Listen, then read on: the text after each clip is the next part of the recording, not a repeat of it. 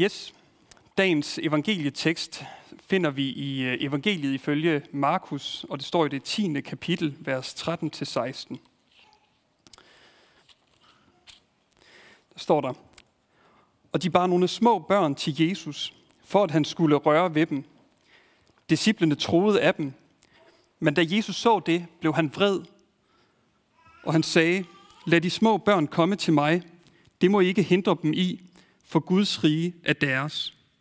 Sandelig siger jeg jer, de, der ikke tager imod et lille barn, dem, de, der ikke modtager Guds rige ligesom et lille barn, kommer slet ikke ind i det. Og han tog dem i favn og lagde hænderne på dem og velsignede dem. Amen. Lad os lige bede. Kære far, beder om, at du vil øh, åbenbare dig for os øh, nu. Jesus, vi beder om, at du vil komme til os. Og Helligånd, vi beder om, at du vil øh, åbne vores øjne og give os indsigt til at øh, skelne mellem godt og skidt. Amen.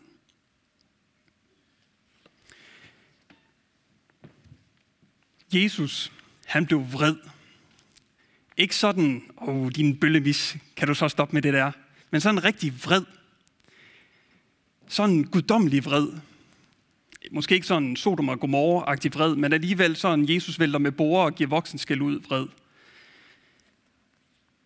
Lille backstory. Hvis vi læser lidt tidligere i Markus evangeliet, og ifølge Matthæus evangeliet, så er det på den samme vandring, som vi møder Jesus i dag. Der har Jesus allerede to gange øh, påpeget over for disciplene, hvor vigtige børn er. Første gang, der bliver Jesus spurgt, hvem er den største i himlen? Og Jesus han tager et barn, stiller det midt i forsamlingen og siger, at den vigtigste i himlen er et barn. Og bagefter så bliver øh, bagefter så, tager, så siger Jesus, den der tager imod et lille barn, tager imod mig. Den der er skyld i, at et barn, som tilhører mig, falder i synd, det vil være bedre for den person at få bundet en møllesten om halsen og blive kastet i havet. Og tre sekunder senere, så afviser disciplene en flok kvinder, som vil have, at Jesus han rører ved deres børn og velsigner dem. Altså, er I vanvittige? Tænker jeg, at Jesus han må have sagt, er I vanvittige? Nu har vi gået her sammen i tre år, og jeg har undervist jer dag ud og dag ind, og jeg har undervist jer om, hvordan Guds rige er fundamentalt anderledes end jeres samfund, hvordan jeres samfundsnormer er vendt på hovedet i Guds rige, at samfundets udstøtte, de marginaliserede, tollerne, tiggerne, enkerne, de prostituerede, børnene, er centrum for Guds rige og Guds kærlighed. Og så afviser I børnene. Hvad tænker I på? Jesus han elsker børn. I vores samfund, der, øh, der har vi et højt syn på børn. De bliver, øh, der bliver brugt mange ressourcer på at værne om børnene øh, og give dem en god barndom. Vi har en børnekonvention, som Danmark har skrevet under på, og vi har en statsminister, som gik på valg på at være børnenes, børnenes statsminister, uanset hvad det betyder. Øh, så vi har et højt syn på børn. Så hvis du er et barn, og du overlever de første 12 uger som foster, så har du rigtig gode vilkår i Danmark i dag. Men sådan var det ikke på Jesu tid. Sådan var det ikke i Israel og alle steder i daværende verden. Der var børn sådan måske sådan i bedste fald et mellemstadie, som man bare skulle have overstået. Det var et mellemstadie, som man skulle have overstået indtil, at man øh, kunne hjælpe med at arbejde og så dermed øh, styrke familiens arbejdskraft og øh, man kunne øh, føre øh, familiens navn videre, og så var man også øh, ens pensionsopsparing, så når man ikke selv kunne arbejde, så kunne man ligesom øh, øh, hvad hedder, afhænge af børnenes øh, arbejdskraft. Så det var ret naturligt egentlig, at disciplene de afviste børnene, kvinderne og børnene. Rabbi Jesus, han var jo alt for vigtig og havde alt for travlt til at tage sig af sådan nogle små børn og nogle kvinder med nogle skøre idéer. Men Jesus, han ser dem. Han ser dem. Han ser børnene med deres medfødte gudsbillighed. Og han ser dem lige så meget som målet for Guds kærlighed som alle andre mennesker. Og så bruger han dem endda som et eksempel. Et godt eksempel på, at man skal være barnlig for at komme ind i Guds rige. Og nej, ikke barnlig, ligesom et barn, ikke barnlig, det er en vigtig forskel. Ligesom et barn. Og jeg tror, at det har noget med stolthed at gøre. Jesus han fremhæver børnenes tro, fordi den er uden stolthed. Ingen, her kommer jeg, Jesus. Prøv at se mig. Se alt det gode, jeg har gjort. Nu skal du elske mig. Men derimod, hej Jesus, må jeg få en krammer? Dagens tekst den er øh, nok en af de bibeltekster, som bliver læst op allerflest gange i vores kirke. Måske lige bortset fra indstiftelsen til nadvåren, hvor der også er et par bibeltekster. Og øh, det skyldes, at det er, fordi, eller det skyldes, at det er teksten til dåb, som vi bruger til dåb. Men i stedet for at have fokus på, at Jesus elsker børnene, så vil jeg gerne prøve at tage en anden vinkel på dagens tekst. Jeg vil gerne prøve at identificere nogle barriere, der kan forhindre os i at komme til Jesus.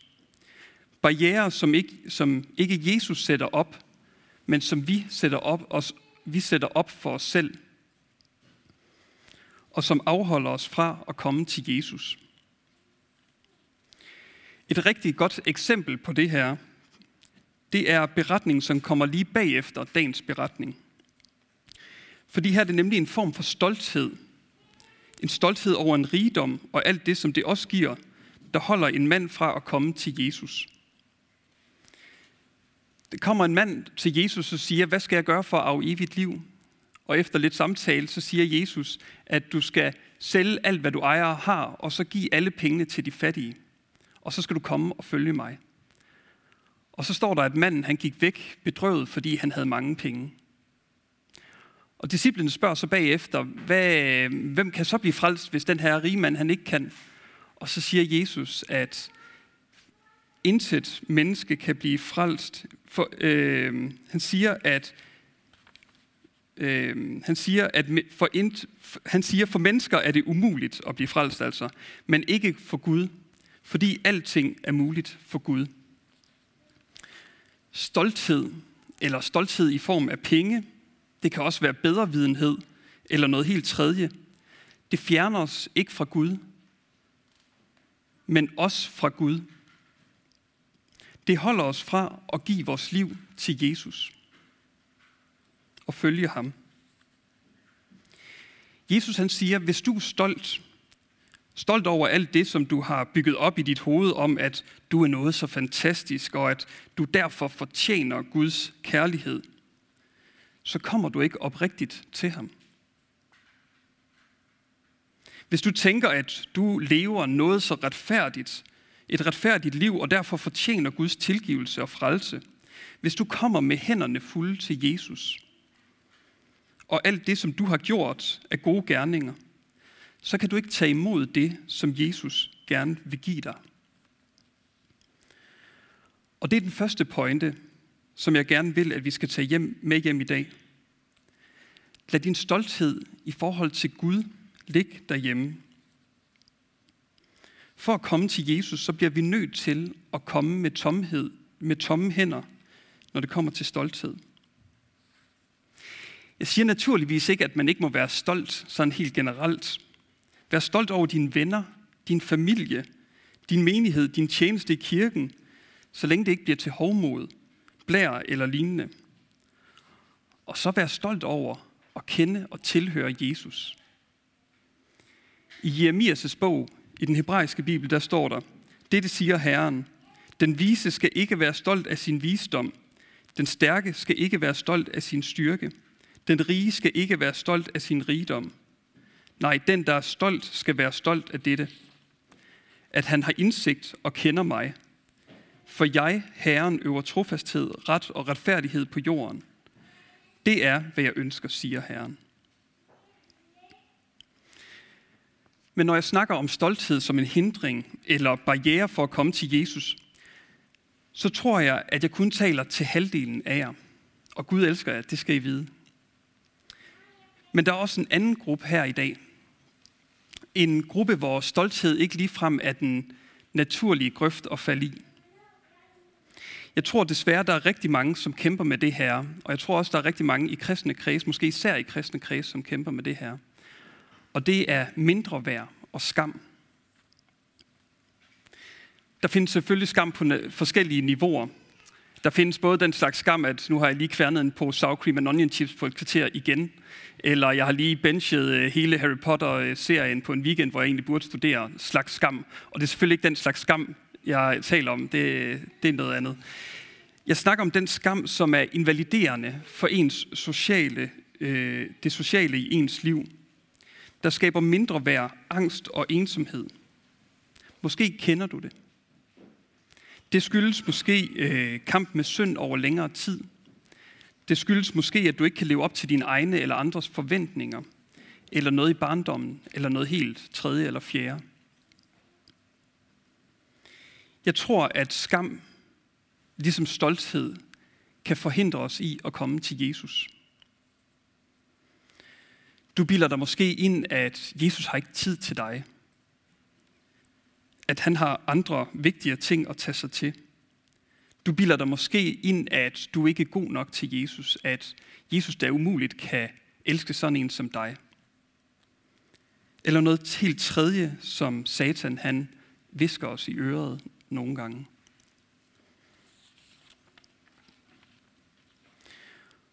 Uanset hvad, så er det ikke sandt. Jesus han står med åbne arme klar til at tage imod dig med al din skam, al din følelse af mindre værd, synd og så videre. Kom til Jesus med det hele. Det håber jeg, at du, dig der måske kæmper med det her, ved og vil handle på. En tredje barriere, der kan holde os fra at komme til Jesus, det er usunde og usande gudsbilleder. Hvem er Gud for dig? Er Gud en vred Gud, der sidder klar til at brænde mennesker med sit kæmpe store forstørrelsesglas?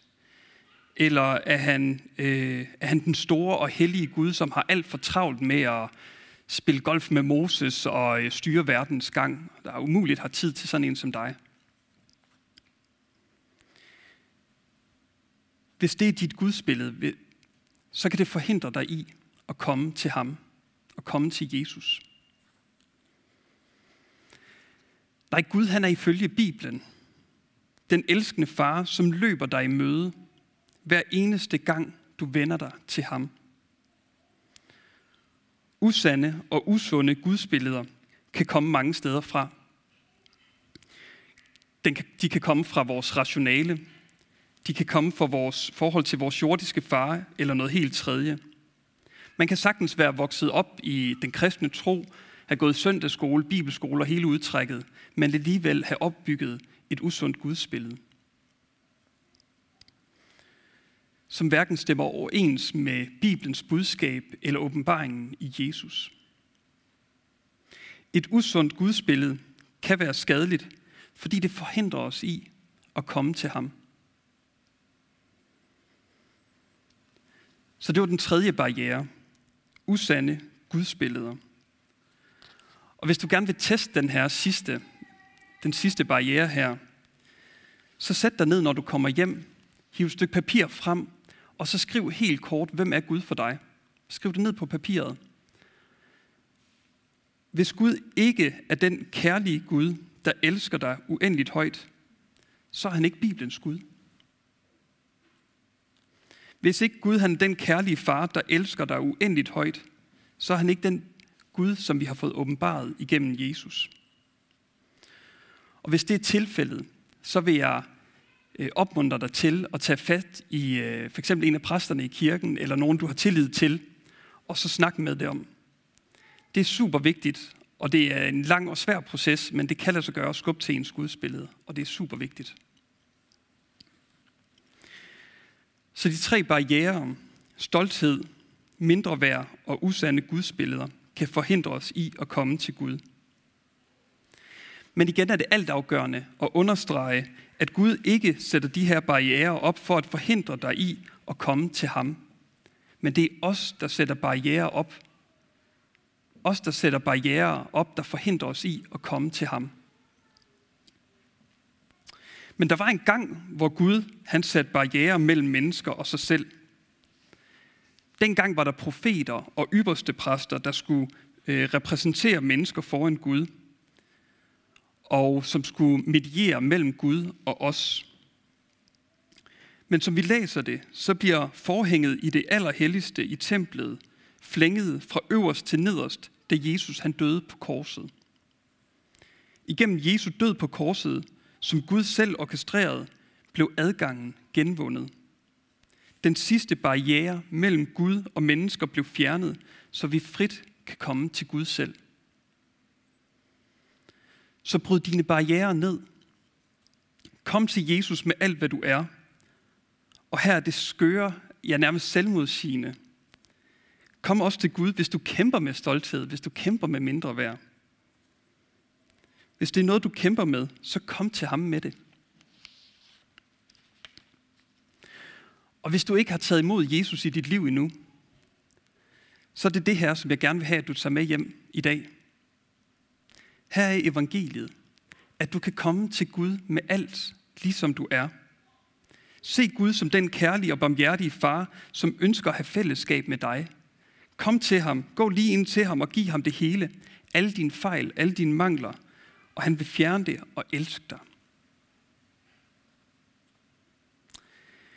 Men dagens tekst, den handler jo egentlig også om disciplene, som holder børnene væk fra Jesus.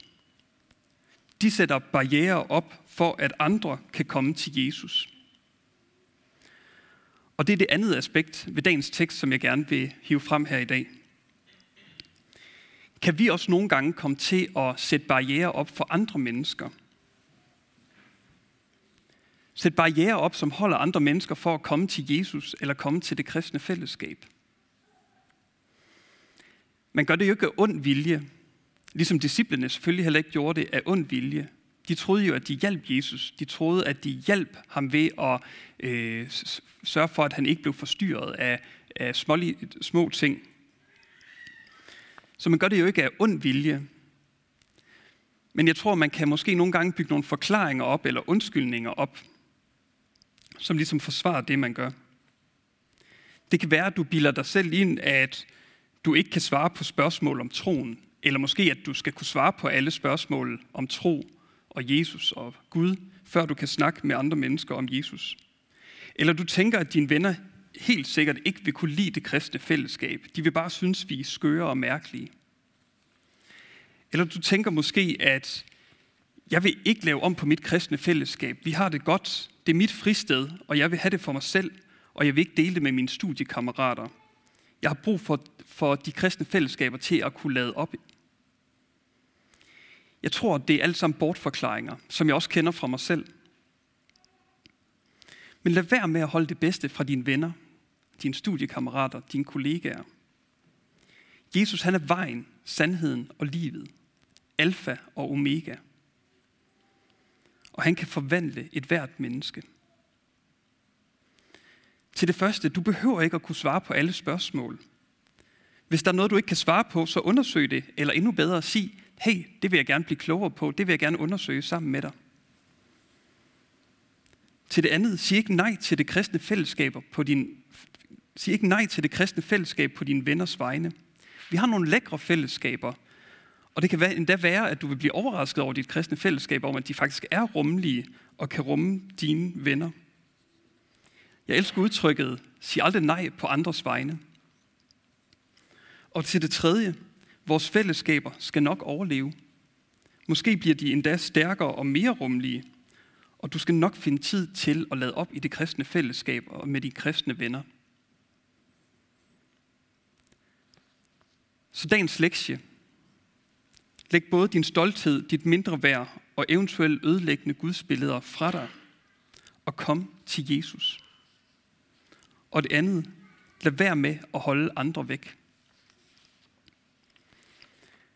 Herefter prædiken, så vil der være øh, lidt tid til refleksion, og dagens episteltekst vil blive læst op.